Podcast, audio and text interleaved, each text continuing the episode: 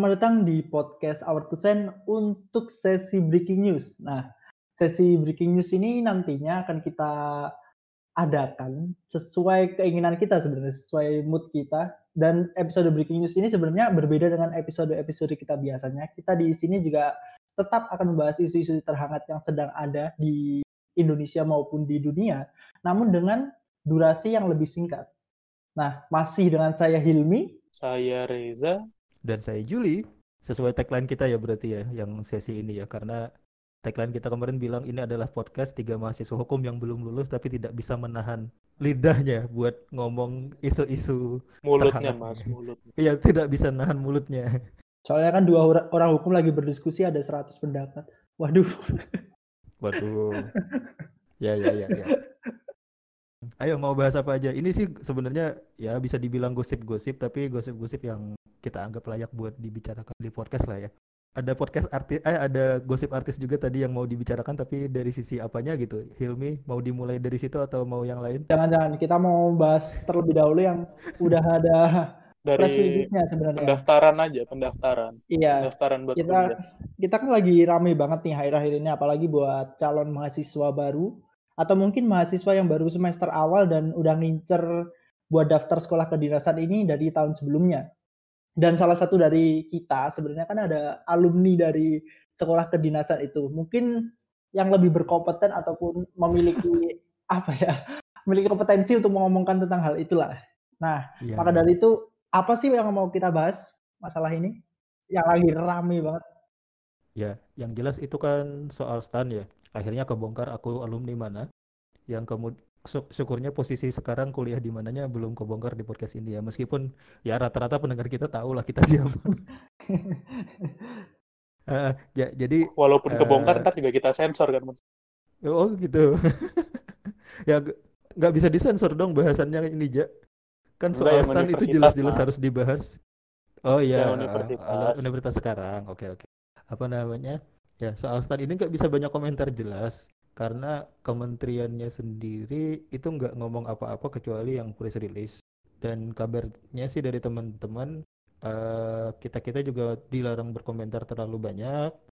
Komentar resmi cuma boleh dari instansi. Semua pertanyaan teman-teman kalau misalnya teman-teman yang ini mau nanya itu langsung ke instansi aja, akun-akun instansi. Oh emang ada larangan itu dari pihak stannya buat para alumni? Bukan bukan larangan sih, maksudnya cuma hati-hati aja ngomongnya. Takutnya kan ini Takutnya kan salah menyangkut ngomong, hajat hidup orang banyak ya. Iya. Tahun lalu itu 7.000 yang diterima. Sementara tahunku itu cuma seribu nggak sampai 2.000 yang daftar yang eh aku lupa. Oh, angkatanku itu yang mas yang daftar 100 ribuan yang masuk 1000. Oh berarti itu Seribu tiap dikit. tiap tahun yang diterima berbeda-beda. Jadi sesuai Beda-beda. keb- eh, sesuai kebutuhan stannya atau gimana sih? sebenarnya? Sesuai kebutuhan pegawai di Kementerian Keuangan zaman dulu ya. Kalau zamanku itu sesuai dengan kebutuhan Kementerian Keuangan tiga tahun kemudian. Oh tiga tahun kemudian. Ya karena kan tiga lulusnya tiga tahun lagi kan untuk yang di Hmm. tiga, kalau yang untuk D1 ya kebutuhan untuk tahun depan. Nah sementara sekarang kenapa bisa 7.000 itu karena teman-teman yang 7.000 itu tidak semuanya di Kementerian Keuangan. Jadi kemarin teman-teman yang 7.000 itu daftar, alokasinya sudah buat kementerian lain juga tapi tetap di bagian keuangan. Hmm, makanya Disebar jadi jadi lebih banyak yang diterima. Iya. Nah, sementara sekarang itu selain karena COVID pastinya sesuai press release ya. eh kemarin kan tiba-tiba Pak Jokowi minta ada istilahnya di pemerintahan itu delayering. Delayering itu eh, Pak Jokowi pengen ada tingkatan-tingkatan tertentu yang dihilangkan di pemerintahan.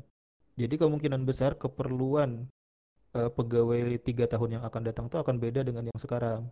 Entah nanti akan diturunkan atau nanti di bahkan ini ditiadakan sama sekali ya selain karena COVID ya. Karena eh, STAN tidak menerima mahasiswa baru ini bukan cuma tahun ini, tahunku itu sempat dua tahun waktu aku masih di sana, tahun 2010-2011 kalau nggak salah. Itu dua angkatan tuh nggak ada. Oh emang Oh, udah berarti ini bukan yang pertama, Mas. ya? Ah, Bukan yang pertama, udah pernah kejadian. Itu karena dua tiga tahun kemudiannya itu zamannya Pak SBY ya, itu namanya moratorium. Bahkan pegawai yang dari jalur resmi itu tahun dua tahun itu tidak ada penerimaan karena waktu itu pegawai kita surplus pegawai di pemerintahan. sampai dua tahun sampai dua tiga tahun kemudiannya. Nah, setelah itu baru ada penerimaan. Oh, sebenarnya bukan hal baru ya kalau misalnya Stan nggak ngadain penerimaan mahasiswa baru. Iya, ini sebenarnya penting juga didengerin sama bukan cuma yang sudah siap-siap sekarang, tapi yang anak kelas 1, kelas 2, 3 SMA juga penting buat tahu kalau sebenarnya jangan sampai stan itu jadi Satu-satunya pilihan. satu-satunya pilihan. Tujuan utama boleh, tapi kalau satu-satunya pilihan sebisa mungkin jangan.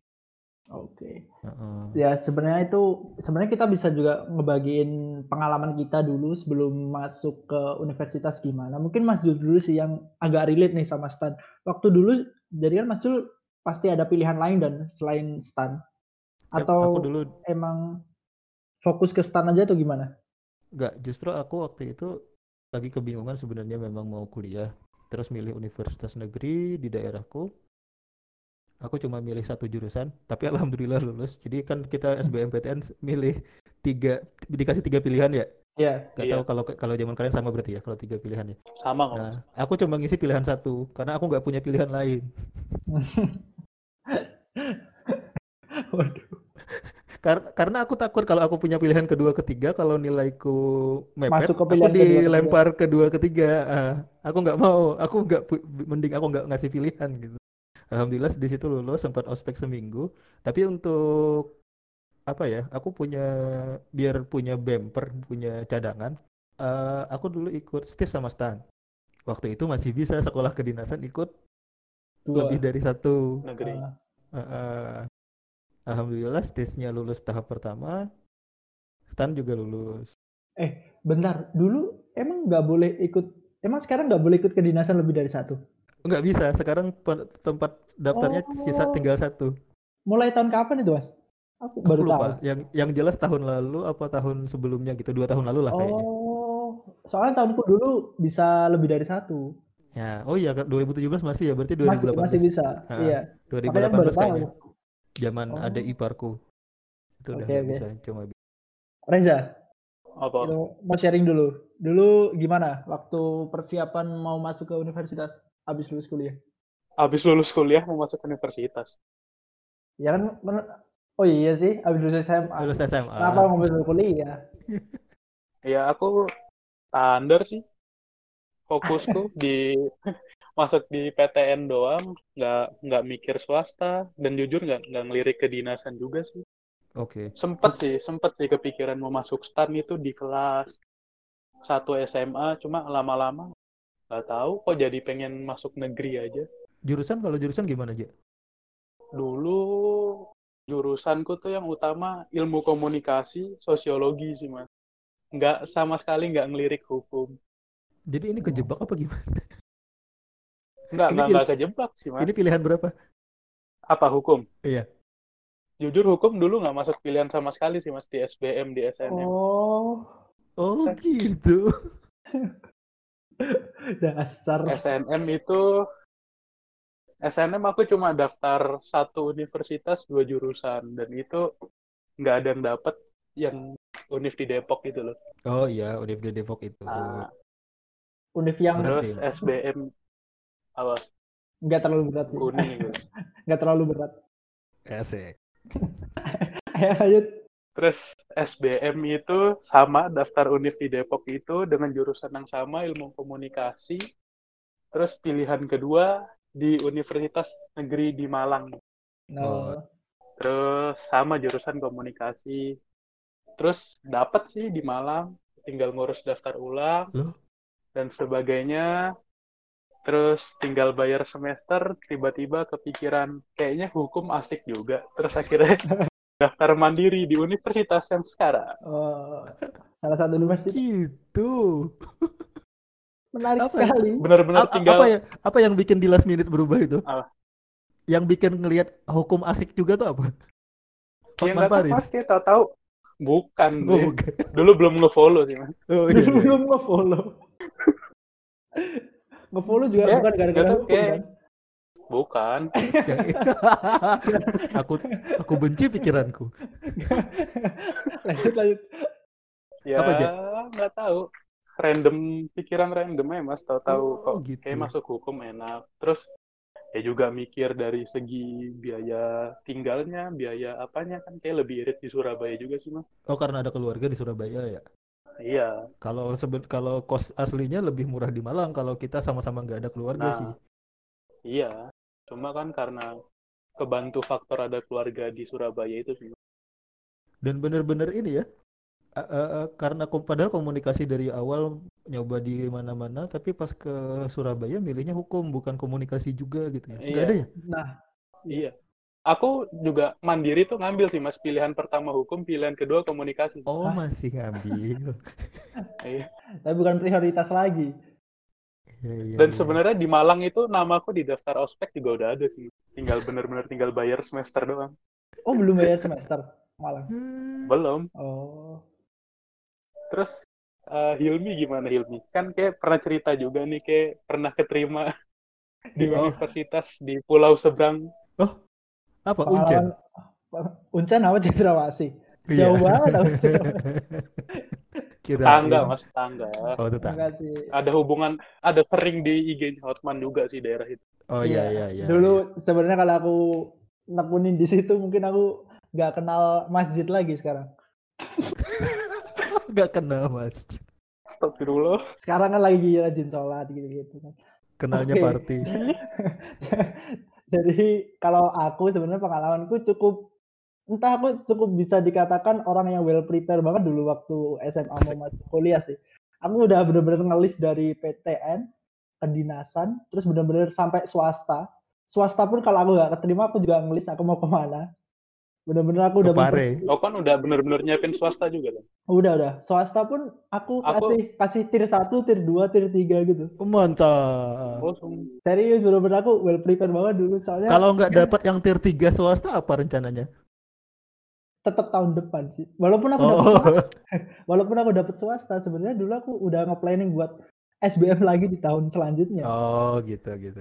Iya gap year berarti. Nganggur berarti. Ya nggak nganggur sih, tetap kuliah di swasta tapi tahun depannya buat itu.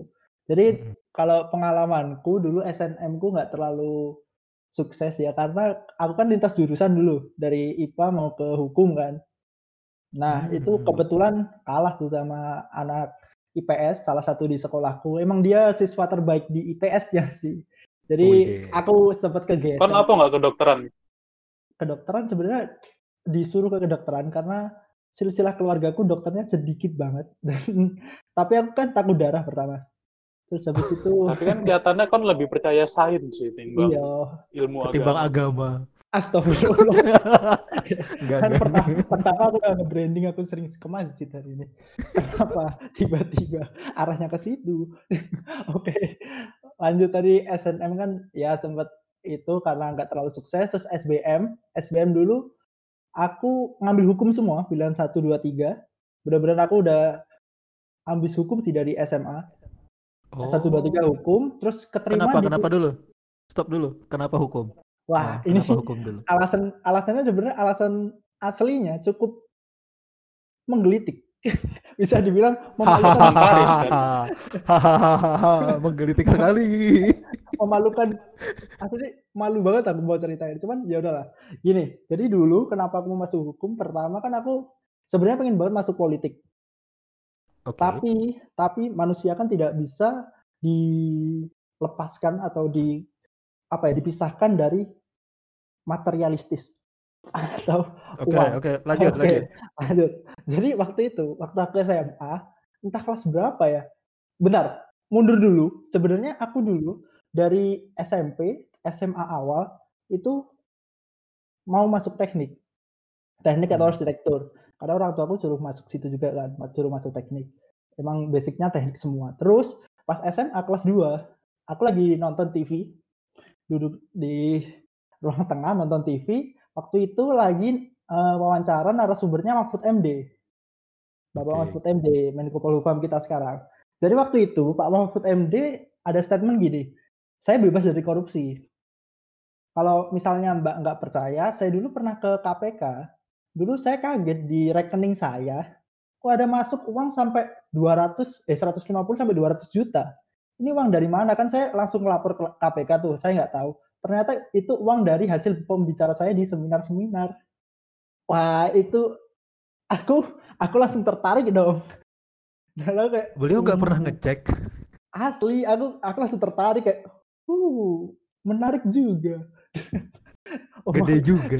Iya, menarik Ya. juga. Ya nggak kerasa aja segitu gitu ya. Iya, nggak kerasanya, ya nggak kerasanya segitu. kayak, Hmm, oke juga. Ya, akhirnya itu aku memutuskan untuk mengambil hukum sih. Iya, itu Selain- seorang prop itu Iya. seorang prop Mahfud yang nggak neko-neko ya bisnis juga Iya, kayaknya ah. nggak ini ya. Bisnis juga enggak, ya makanya itu. Ya, terus eh, mau balik lagi nih, pas SBM tadi kan, keterima di Pulau Seberang. saya, saya. Kenapa, kenapa? Berarti kan cuma mau karena seminar doang tuh. Nggak, nggak karena seminar, Duitnya. karena bukan duitnya. Nggak, Kan psikologi juga bisa nih. Iya sih, nggak sebelumnya kan emang fokus apa ngikutinnya di politik juga kan. Soalnya misalnya di politik Oh, itu menurutku jenjang karirnya benar-benar kita yang memutuskan gitu loh. Gak ada jenjang karir yang pasti Ya. penerimaannya kalau politik. Kalau menurutku sih, maaf teman-teman politik. Tontonannya ini Najwa apa ELC waktu itu? Wah, udah lanjut aku lanjut. lupa. Awas kalau Aiman lagi. Aiman kemarin mengundang jaring. Ayo lanjut. Oh iya, Iya, iya, wes, lanjut lanjut. Oke. viral. Emang nggak iso tayang. Iya. di di diputus elit global tadi. Kita kan podcast Iya. elit global sekarang. Iya, kita daripada memerangi elit global, mending jadi elit globalnya sendiri. Bener-bener. Oke, Bener juga. lanjutkan nih. Iya lanjut udah lanjut terlalu apa panjang. Oke. Iya. SBM tadi kita aku keterima di pilihan kedua di Pulau Seberang di Bali. Salah satu universitas negeri di Bali. Keterima di hukum. Aku udah daftar ulang. Udah bayar semester 1. Jadi namaku udah masuk di ospek, di kelas pun bahkan aku udah masuk. Soalnya waktu Di grup angkatan juga di udah grup masuk. angkatan udah masuk. Jadi waktu itu aku udah kuliah di Surabaya. Aku dicat salah satu mahasiswa di sana. Karena namaku ada di absen, tapi nggak pernah masuk sama sekali. Sama. Dia tahu dari mana nomor Namaku, namaku kan ditulis di absen nomor kelas. nomor kan ngechat. Di Instagram, Instagram. Oh Instagram. Iya, dia tiba-tiba nge-DM gitu. Kamu udah pindah? Oh iya, gitu. Oh namamu soalnya ada di kelas tapi dicoret karena nggak pernah Mahasiswa apa masuk. ya. mahasiswi? Mahasiswi, cewek kebetulan. Ya. ya, ya masa cowok aneh-aneh. Ngapain nge-DM Biasanya aku? ketua kelas yang berkepentingan itu cowok biasanya. Enggak Nah, lah. Ini kenapa someone random Iya. nge-DM di IG nyari Sebenarnya- nama? ya, ya udah biasa lah. Iya. Aduh, oke. Eh, lanjut, habis habis SBM itu sebenarnya karena aku udah nge-planning kedinasan juga kan, karena aku kayak bisa ngelepasin teknik juga karena ya disuruh sama orang tua, tapi waktu itu jadi aku daftar di sekolah tinggi energi dan mineral di STEM, gimana itu? STEM di Cepu. Itu kedinasan atau apa sih? Kedinasan itu di bawah Kementerian SDM. Oke oke oke. di bawah Kementerian SDM yang biaya semesterannya cukup menarik sekali karena di sana benar-benar dikasih fasilitas asrama dan laundry dan lain sebagainya. Kita tinggal fokus kuliah aja. Benar-benar Hmm. Wow banget, wow banget. Aku tes di situ, terus sama mandiri, Dasar abuse si Mr. Crab. terus di mandiri. Mister Keren. mandiri aku tetap daftar hukum dong, hukum juga di Surabaya yang sekarang, sama di Malang, sama di Jogja. Nah, yang Malang, Malang sama Surabaya keterima, Kenapa di Jogja? Surabaya? yang di Jogja lepas. Jadi gini, Oke. ini cukup Lepas apa ditolak? ditolak. Kalau misalnya enggak lah itu nggak mau tak buka lah itu. Jadi Ya jangan gini, diomongin lah. itu jangan diomongin. Jadi kenapa aku milih di Surabaya itu karena sebenarnya dulu pengumumannya sehari lebih dulu di Malang. Waktu itu aku benar-benar udah nyari kosan, udah kontak temenku yang udah keterima duluan, nyari kosan, udah deal, benar-benar udah deal. Ya udah aku ikut kontrak di situ, udah deal. set, Terus hari berikutnya aku keterima di Surabaya. Terus aku bingung dong, akhirnya aku sholat itu, sholat apa? Sholat sholat istihara. istihoroh. Waduh, Hilmi istihara. itu dia sholat istiqoroh gila keren banget aku benar-benar aku memanjatkan doa kepada Allah Subhanahu Wa Taala Kira, kirain bikin ini, bikin Tapi- ana- tapi bikin ngomong-ngomong analisis. bikin analisis. Itu terakhir konsolat kan? Eh, enggak, aku kan tetap sholat sekarang. Waktu itu, soalnya sekarang nggak ada yang di, dikorohin. Iya sih, sholat istiqoroh terakhir. Pembelaanku. Oh iya iya iya iya. oke oke. Jadi ya bener sih. Waktu itu aku bener-bener bimbang. Terus karena kalau misalnya di Surabaya mungkin aku lebih produktif. Kenapa? Karena kan aku anaknya pertama gampang bosen ya. Kalau misalnya aku di Malang jauh dari orang tua dan keluarga, mungkin aku jadi anak yang cukup cukup eh, tidak terkontrol. Nah faktor itu, faktor itu mungkin yang aku ngomong, wah Surabaya lebih dekat sama orang tua, mungkin masih ada yang bisa kontrol, masih ya fasilitasnya juga lebih enak deket rumah kan dibanding jauh dari rumah. Maksudnya pulang ke rumah lebih enak, cucian juga nggak perlu laundry. Ya itu privilege teman-teman privilege Privilege teman-teman di Jawa lah. Iya benar. Bisa milih Nah, kuliah di bener. pulaunya sendiri. Iya, makanya itu. Maklum, aku Ya. anak Kalimantan nih. Pengalamanku itu sih sebenarnya. Maksudku mending kalian kalau misalnya masih SMA, kalau aku sih menyarankan lebih prepare aja. Prepare prepare se-prepare prepare-nya itu akan itu akan lebih baik untuk menanggulangi kepanikan kalian waktu ujian mungkin atau nggak keterima di salah satu universitas Betul. dan banyak opsi juga. Tapi aku nggak panik. Ya kan kan S- soalnya SBM udah diterima. itu en- itu eh, jadi kan kita nggak bisa nyamain semua orang ya ada orang-orang yang memang terbuka ke semua opsi jadi nggak diterima di mana pun tuh dia santai Hmm, iya ada sih. juga orang-orang Iya yang memang sih. punya keinginan spesifik gitu Iya sih, sebenarnya yang yang permasalahan di anak-anak yang mau masuk kuliah itu kadang suka memandang kampusnya dibanding jurusannya. Itu yang menurutku salah sih. Apa? Soalnya kadang gini, eh, misalnya mau masuk ke, udah kita nyebut kampus aja, kampus yang UI lah, UI iya di Depok, UI. pas ditanya kamu kampus mana aku UI bu UI, nyebut nah. jurusannya tuh nyebut jurusan. Nah, itu contohnya gitu. Jadi dia mungkin di UI dulu mau masuk hukum, cuman nggak keterima, ya udah keterima daftarnya yang penting UI. Nah, itu menurutku mm, yang kurang apa ya? Yang kamu dapat cuma nama kampus doang. Seharusnya kan kamu mencari ilmunya dibanding nama yang kamu bawa kan. Atau ya kayak motivasinya Hilmi nyari ke nyari duitnya Ya, itu. Duit. dan Duitnya lebih dan tempat di duit dan tempat Iya. duit itu banyak tidak cuma di satu jurusan atau di satu Bener. kampus gitu ya Benar, Eh, ini kamu riset dari lulusannya dulu yang duitnya baik yang mana. Iya, karena sebenarnya ketika kita memilih jurusan waktu SMA itu masih bisa cenderung salah. Iya, iya itu Belum tentu itu yang benar-benar kita suka. gitu. benar. Jadi maksudku kalau kita kecuali kecuali memang sudah dari SD, SMP kita sudah tahu bakat kita di mana, misalnya sastra atau seni, lalu milih kelas seni ya monggo. Cuma kalau misalnya orang rata-rata itu biasanya belum tahu dia bagusnya di mana sebenarnya. Iya, dan Mm-mm. apalagi kalau asal-asalan milih jurusan kan Iya. ya persentase untuk salah jurusan malah lebih banyak dibanding Mm-mm. orang yang udah mempersiapkan itu sejak SMA. Iya.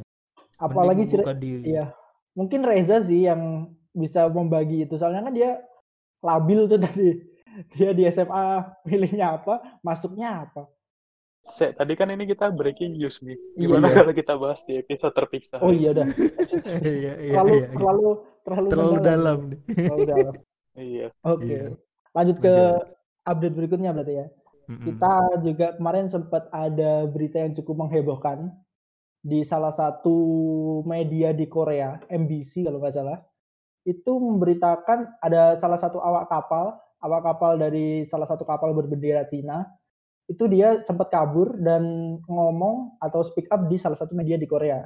Dia menceritakan kalau temannya itu dilarungkan waktu dia udah meninggal di kapal tersebut. Sama dia juga curhat di situ masalah banyak banget kayak pelanggaran-pelanggaran yang seharusnya nggak dilakukan. Salah satu contohnya yang sempat aku highlight kemarin itu, jadi waktu minum, minum air mineral, orang-orang Cina, maksudnya eh, pekerja-pekerja yang berasal dari Cina itu minum air benar-benar air kayak air yang udah difiltrasi lah bahasanya. Benar-benar air dari pembunuhan dan lain sebagainya. Tapi untuk pekerja asing atau pekerja Indonesia itu mereka menggunakan air laut yang difiltrasi Sampai segitunya ya. sampai segitunya. Iya, terus juga jam istirahat yang kurang banget. Mm-mm. Itu sih yang sempat sempat rame kemarin. Iya. Kalau menurut kalian gimana? Aku nggak terlalu update sih soal ini. Eh, yang jelas eh, tadi apa kata Pak Bu Kemen Oh iya, sama Kemenlu ya? Kemenlu, Kemenlu. Ibu Retno Marsudi kan sebenarnya Hmm. kemarin juga ada statement. Statement kalau misalnya beliau ngomong sebenarnya itu hal biasa kan di hukum internasional.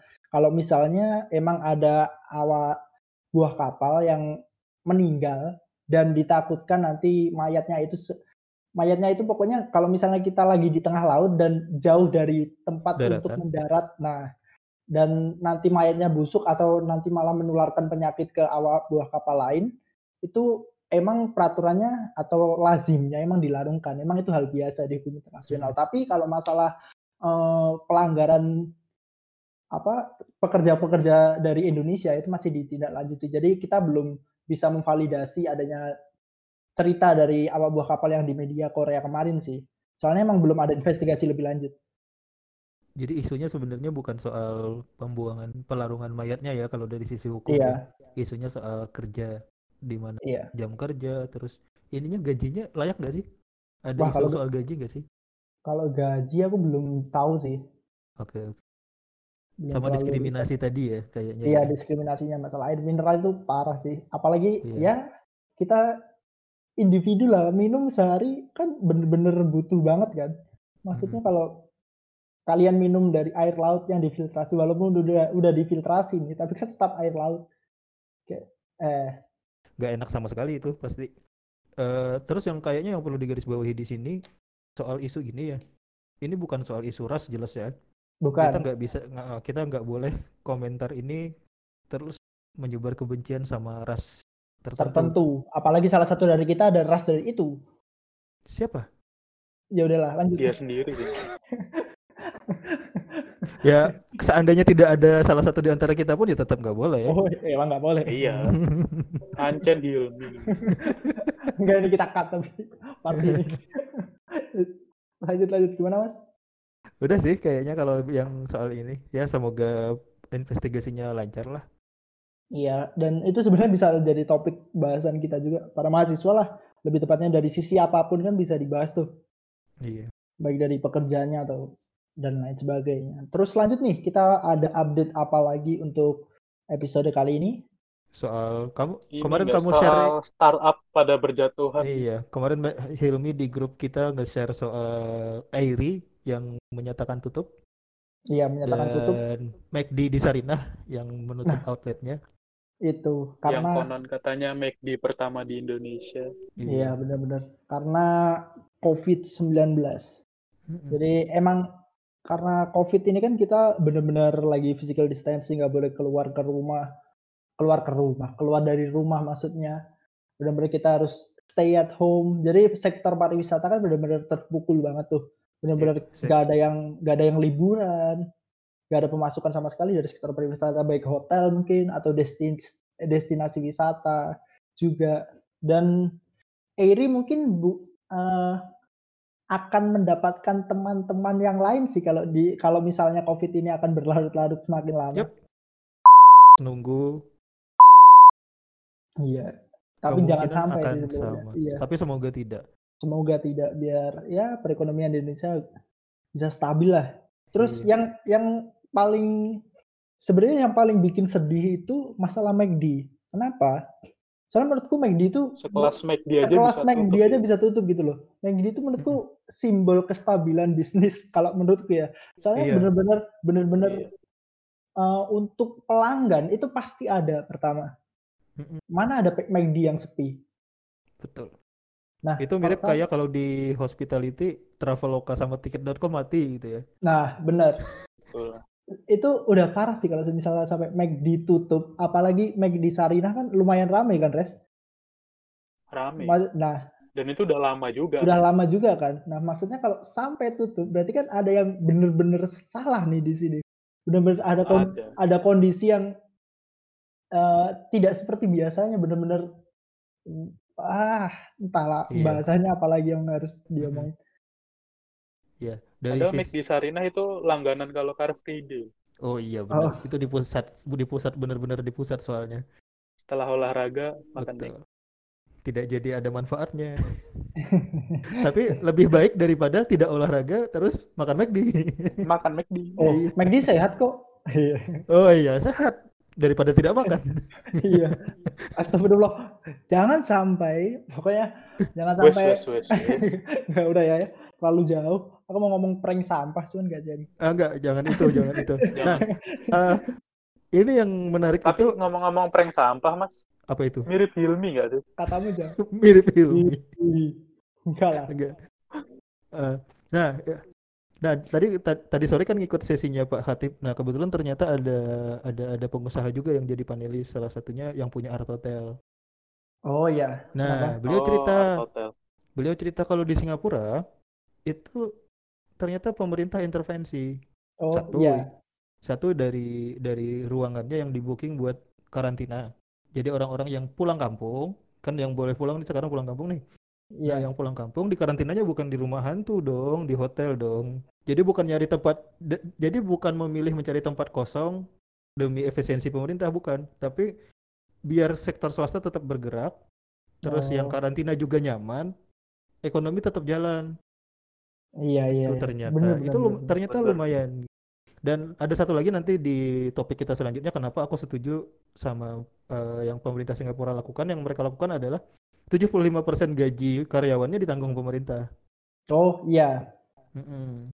Terutama yang gajinya di bawah limit tertentu ya, tidak semua gaji ininya, gaji pegawainya enggak. Ya Itu karena iya menarik sih dan juga karena pilihan kita juga PSBB kan Mm-mm. dikarenakan juga itu tidak mewajibkan pemerintah untuk memenuhi Menjamin. ya menjamin lah menjamin hidup dari masyarakat juga kan Iya, sebenarnya makanya beda banget sama Singapura itu juga akan dibahas di episode bersama Bapak Haidar ada. Sebut Haidar aja sekarang. oh iya benar Sekalian promosi episode selanjutnya. iya ya Terus apa lagi nih? Udah kayaknya yang soal ini. Startup. Ya Soal itu startup mu- udah gitu. ciri-ciri ini sih, ciri-ciri mulai gawat sih kondisi ekonomi. ya pokoknya McD sampai tutup itu udah parah pokoknya sampai sampai McD tutup itu udah wow Sa- Apalagi, belum tutup nih ya. Ini soal data Eh, sekarang. jangan Soal dong data. Ah, ini mau bagi-bagi insight soal tadi kan ikut sesinya Pak Hatip sama teman-teman pengusaha tadi juga. Pak Hatip punya usul bagus soal kita kan sempat ngobrol data eh, Oh, data kita kurang ah, data kependudukan kita kurang akurat buat menyalurkan bantuan langsung tunai. Terus kita kaitin sama concernnya beliau kalau ada orang-orang lower middle income. iya Jadi middle income itu dibagi lagi ada yang lower. hmm. Nah, beliau nyebutnya nyebutnya juga pakai istilah expiring. Jadi udah hampir nggak jadi middle class lagi nih iya. mereka gara-gara covid ini. Aku agak senyum-senyum juga denger istilah beliau gitu. Padahal ini miris sekali. Nah, dikaitin sama itu kata beliau, karena beliau concernnya orang-orang ini tidak dapat bantuan padahal sangat berbahaya kalau mereka jatuh. gitu. Kata beliau, kita bisa dapat data yang minimal 75% akurat lah. Kalau misalnya turun pun ya 70%, tapi tidak bisa 100% akurat itu dari perusahaan telekomunikasi. Karena sekarang kita eh, beli kartu itu pakai NIK dan lain sebagainya kan. Iya. Nah, dari data telekomunikasi itu juga didapat data pemakaian. oh Nah, dari data pemakaian itu bisa disimpulkan mana yang sebenarnya butuh bantuan. gini gini gini bentar bentar bentar Tapi itu Ag- perlu diolah ya datanya ya, tidak Iya. bisa serta-merta. Tapi aku melihat itu ada kemungkinan bisa. ada kemungkinan cuman eh, entah aku banyak banget melihat sisi apa ya kecacatannya juga sih kalau misalnya kita ngambil data dari situ kenapa soalnya pertama kalau misalnya kita ngambil data eh, apa penduduk dari SIM card ya bisa dibilang SIM card ya tadi kerahasiaan. Pertama, pertama ya kerahasiaan data. Itu kan permasalahan kita dulu waktu eh, daftarin nomor pakai nick sama kakak kan sebenarnya. Iya, betul. Nah, terus kedua, itu banyak banget orang yang menggunakan SIM card itu nggak sesuai pada hakikat SIM cardnya sendiri gitu loh. betul. Maksudnya kadang, nah itu kan untuk trackingnya kalau misalnya kita ngomong masalah pemakaian itu sebagai acuan kita buat menilai apakah orang itu masuk ke middle class atau lower middle, middle class kan sebenarnya kurang sesuai juga kalau ngelihatnya dari SIM card. Terus juga masalah SIM card ini aku nggak ngerti ya.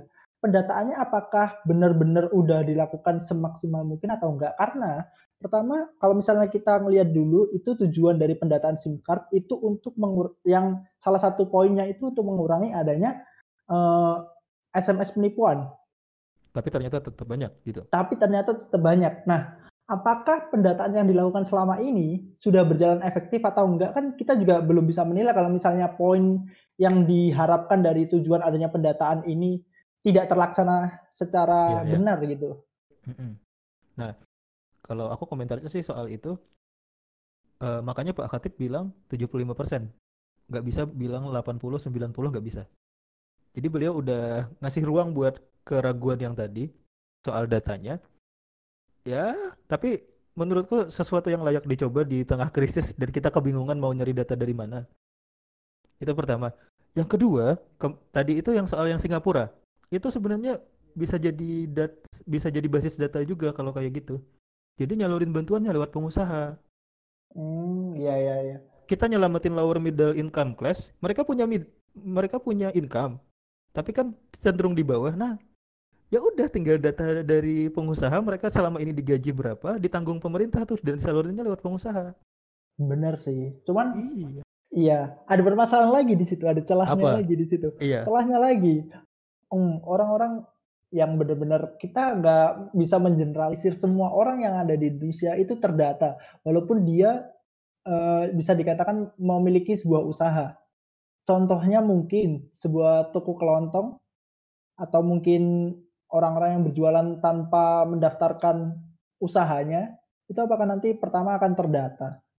Dan yeah. biasanya kan orang-orang itu juga nggak bisa dikatakan lower middle class kan, bisa dikatakan middle class juga, tapi benar-benar lagi di uh, apa namanya di garis di ambang batas di ambang batas di ambang middle classnya dia. Mm-hmm. Itu sih. Iya. Maksudku uh, alternatif ini bisa dilakukan semuanya. Jadi yang udah dilakukan pakai kartu-kartu yang macam-macam itu monggo sudah lanjut. Kemudian alternatif ke Pak Khatib juga dicoba aja, di, dibikin jaring lah pokoknya. Terus yang lewat pengusaha juga dijaring aja. Karena kalau lewat pengusaha menurutku lumayan efektif sih, terutama pengusaha-pengusaha besar berarti mereka handle orang banyak juga. Iya benar. Nah, terutama pekerja-pekerja mereka yang paling bawah gitu yang kemungkinan jadi target pertama di PHK kalau tidak ada bantuan pemerintah. Benar. Jadi jangan sampai pikirannya kita bantu pengusaha itu bantu kapitalis bukan, kita lagi bantu bantu Benar, yang di bawah justru. Iya ya. Pun sebenarnya kalau bantu pengusaha bantu kapitalis itu terlalu Hmm. Ya kan selama sense. ini kan terlalu gimana gitu. Ya, ya selama Enggak. ini kan apa namanya iya. uh, diskusi RUU Cilaka itu kan gitu berpihak iya. kepada pengusaha dianggap salah terus gitu. Tapi emang salah sih RUU. Saya juga menolak adanya RUU Omnibus Law. Walaupun berpihak pada pengusaha tapi juga harus diperhatikan dong pekerja-pekerjanya. Karena gini ya, ah, ini aku ngasih ini ngasih insight dikit kalau dari uh, dari sisi itu. Salah satu tuntutan di RUU Cilaka yang diprotes kan soal kenaikan gaji ya.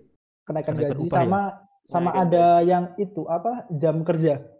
Nah, aku concern di kenaikan upah yang terjadi tiap tahun. Iya. Ke yang ini bagian sini adalah uh, kenapa sebaiknya itu tidak terjadi. Semoga tidak diserang nih. Ini, ini secara keilmuan aja ya. Kenapa sebaiknya kenaikan upah itu tidak terjadi terlalu tinggi seperti yang selama ini? Harusnya minimal sama kayak inflasi lah. Harusnya jangan lebih jangan terlalu lebih terlalu jauh dari inflasi di atas inflasi naiknya. Mengapa uh, aku komentar soal sebaiknya kenaikan upah buruh tidak seperti yang terjadi sekarang yang di sebagian tempat ya di sebagian tempat ya aku tidak mengeneralisasi di sebagian tempat itu terlalu tinggi menurutku kenaikan tiap tahunnya dan Benar. itu konsisten naiknya itu karena mungkin itu baik bagi orang yang sudah jadi buruh Sementara buat pengusaha, karena mereka mempertimbangkan kenaikan gaji buruh yang tiap tahun, mereka jadinya harus mengurangi penerimaan buruh di tahun berikutnya itu. Akibatnya apa? Ada pengangguran yang susah terserap. Oh iya benar-benar. Dari situ ininya, logiknya. Mengapa aku sebagiannya agak kontra sama isu di di di bagian teman-teman yang tidak setuju sama RUU Cilaka ini. Di situ Oke. logiknya. Iya, kalau aku juga itu setuju sih. Sebenarnya kalau itu bisa tak analogikan sama kenapa BPJS sekarang naiknya susah banget. Seharusnya kan udah naik dari tahun-tahun sebelumnya tuh Hmm. BPJS. Kalau menurutku, karena BPJS kita tahu sendiri defisit dan lain sebagainya, itu karena menurutku upahnya juga terlalu bukan upahnya namanya apa iurannya terlalu rendah juga. Rendah. Karena karena biasanya rendah. gini, biasanya gini, kita bisa lihat di Indonesia lebih tepatnya itu untuk masalah kenaikan upah buruh atau penaikan suatu apa namanya ya eh, BPJS itu bisa dikatakan bantuan dari pemerintah lah ya. Nah itu biasanya digunakan sebagai permainan politik. Jadi kadang kalau misalnya akan mendekati kontestasi pilkada maupun pilpres itu benar-benar hal-hal yang nggak masuk akal itu sering dilakukan gitu loh. Kayak Betul. salah satu contohnya tadi menaikkan upah buruh yang benar-benar nggak masuk akal, nggak nggak memperhatikan Buat nyari suara. pengusahanya kayak gimana. Iya, jadi kayak Iya. jadi waktu kontestasi kan dia bisa membanggakan ini loh dulu saya udah menaikkan upahmu segini kamu masih nggak percaya atau mungkin kayak BPJS tadi aku loh bisa menahan iuran BPJS itu segini padahal di balik layarnya BPJS benar-benar terseok-seok untuk membiayai eh, apa dana kesehatan dari masyarakat sendiri kan Nah, semoga Sebenarnya- mismanagement iya. juga sih. iya mismanagement juga bisa sih soalnya Sepertinya aku- ada. sepertinya berkaca sama NHS yang di British itu benar-benar menurutku oke sih kayak sistem manajemennya terus Iya. BTW sebenarnya kayaknya sudah lebih dari setengah jam sih kita. Oh Udah iya? Cukup dulu Udah kayaknya untuk ah, breaking news kali ini. Ya breaking news terlalu breaking kayaknya oh Iya. ada lagi satu lagi aku mau Apa? ngomong untuk Apa itu? statement penutup aku mau ngomong benar-benar buat kan di Indonesia sebenarnya entah banyak banget yang mempercayai adanya hal-hal gaib aku gak ngerti Oh. harus ngomong sebenarnya harus ngomong ini soalnya aku merasa risih kadang kenapa kalian lebih mempercayai hal gaib daripada hal yang benar-benar nyata bisa dibuktikan gitu loh Eh, salah satu eh, paranormal yang namanya cukup tersohor cukup benar-benar ada nama lah kita sebut Roy Kiyoshi itu tertangkap narkoba RK kemarin dong. Eh, udahlah eh RK bisa banyak RK. Ya Ridwan Iya. Kamil. bisa depan kami bahaya juga disebarkan paranormal kemarin ketangkap narkoba itu apa berarti apa kalau menurutku kadang kayak orang-orang kayak aku itu mendefinisikan Kan narkoba juga tuh. bukan maksudnya orang-orang kayak aku itu mendefinisikan orang-orang kayak kadang wih, melihat sesuatu aneh melihat ih sesuatu yang gaib dan lain sebagainya kayak mengkaitkan sesuatu hal dengan hal gaib sebagai orang yang berdelusi. Kenapa? Emang itu sebuah bisa dikatakan sebuah penyakit juga sih. Jadi orang itu eh, seakan-akan melihat sesuatu padahal nggak ada apa-apa di samping mereka atau di depan mereka gitu loh. Kayak benar-benar mereka hanya berimajinasi yang ada. Salah satu contohnya yang aku suka banget analogi dari Ryu Hasan itu mengatakan gini em, hantu di tiap-tiap negara itu pasti berbeda. Kenapa? Dikarenakan em, tontonan ataupun hantu yang kita lihat itu berbeda-beda. Contohnya nggak mungkin orang Inggris itu mimpi hantu hantunya pocong. Karena dia nggak pernah melihat nggak pernah nggak pernah melihat bentuk pocong. Jadi benar-benar itu hanya suatu bentuk apa ya rewind kita dari sesuatu hal yang kita lihat terus kita bayangkan hal itu ada di depan padahal nggak ada sama sekali gitu. Kalau ya menurutku sih mungkin Hmm. Roy Ya, Kiyoshi bisa kita bisa kita kategorikan sebagai orang yang berdelusi. Entah aku harus menyampaikan itu sebagai suatu pencerahan baru, enlightenment Ini seperti ini Steven karena- Pinker. ini karena kamu lihat kasus terakhirnya dia ya. Iya, karena lihat kasih Iya. terakhir. Narkoba ya berarti ya. Iya, Kemungkinan karena itu ya. Meskipun belum tentu dia tidak punya kemampuan yang dia akui itu ya. Kita tidak bilang itu. Entahlah. Aku ah. entah aku harus berstatement di sini. kayak kayak nggak ada nggak nggak nggak ada kemampuan itu. Ah, kalau aku kalau aku masih percaya ada anak indigo sih kalau aku. Oh iya, ya itu fungsinya Itu kan kita- kebebasan ya. Ya Itu kan kebebasan, kebebasan. makanya itu kan juga gak ada larangan di sini kayak Iya. ngomong kayak gitu. Mm-mm. Tapi lek kon Maksudnya jangan berlebihan saja. delusi, Iya. Jerings apa? Eh, jangan itu beda beda topik. Ngawur. Udah kali ya, udah kali ya. iya, Tutup ya, udah tutup terlalu- ya. Udah, udah, udah, udah, udah. udah terlalu panjang juga breaking news kita kali ini. Terima kasih teman-teman. Ah. Ini mungkin breaking news kita juga akan ada di tiap tiap Beberapa tempat eh, lah. beberapa tempat lah di jeda-jeda episode kita kita mau Betul. sisipin breaking news kalau misalnya ada topik-topik yang mau kita bahas Iya. tapi tetap teman-teman Rocky Yoshi adalah sebagai contoh orang yang berdelusi terima kasih semangat sekali. mungkin cukup untuk Selain episode Rocky Yoshi, kalau Jerings gimana? udah gak usah gak usah bahas Jerry Dibalikin Apa ke situ mau lagi. nanti aja kita bahas di episode berikutnya Iya, oke tutup. bye bye Bye bye. Bye.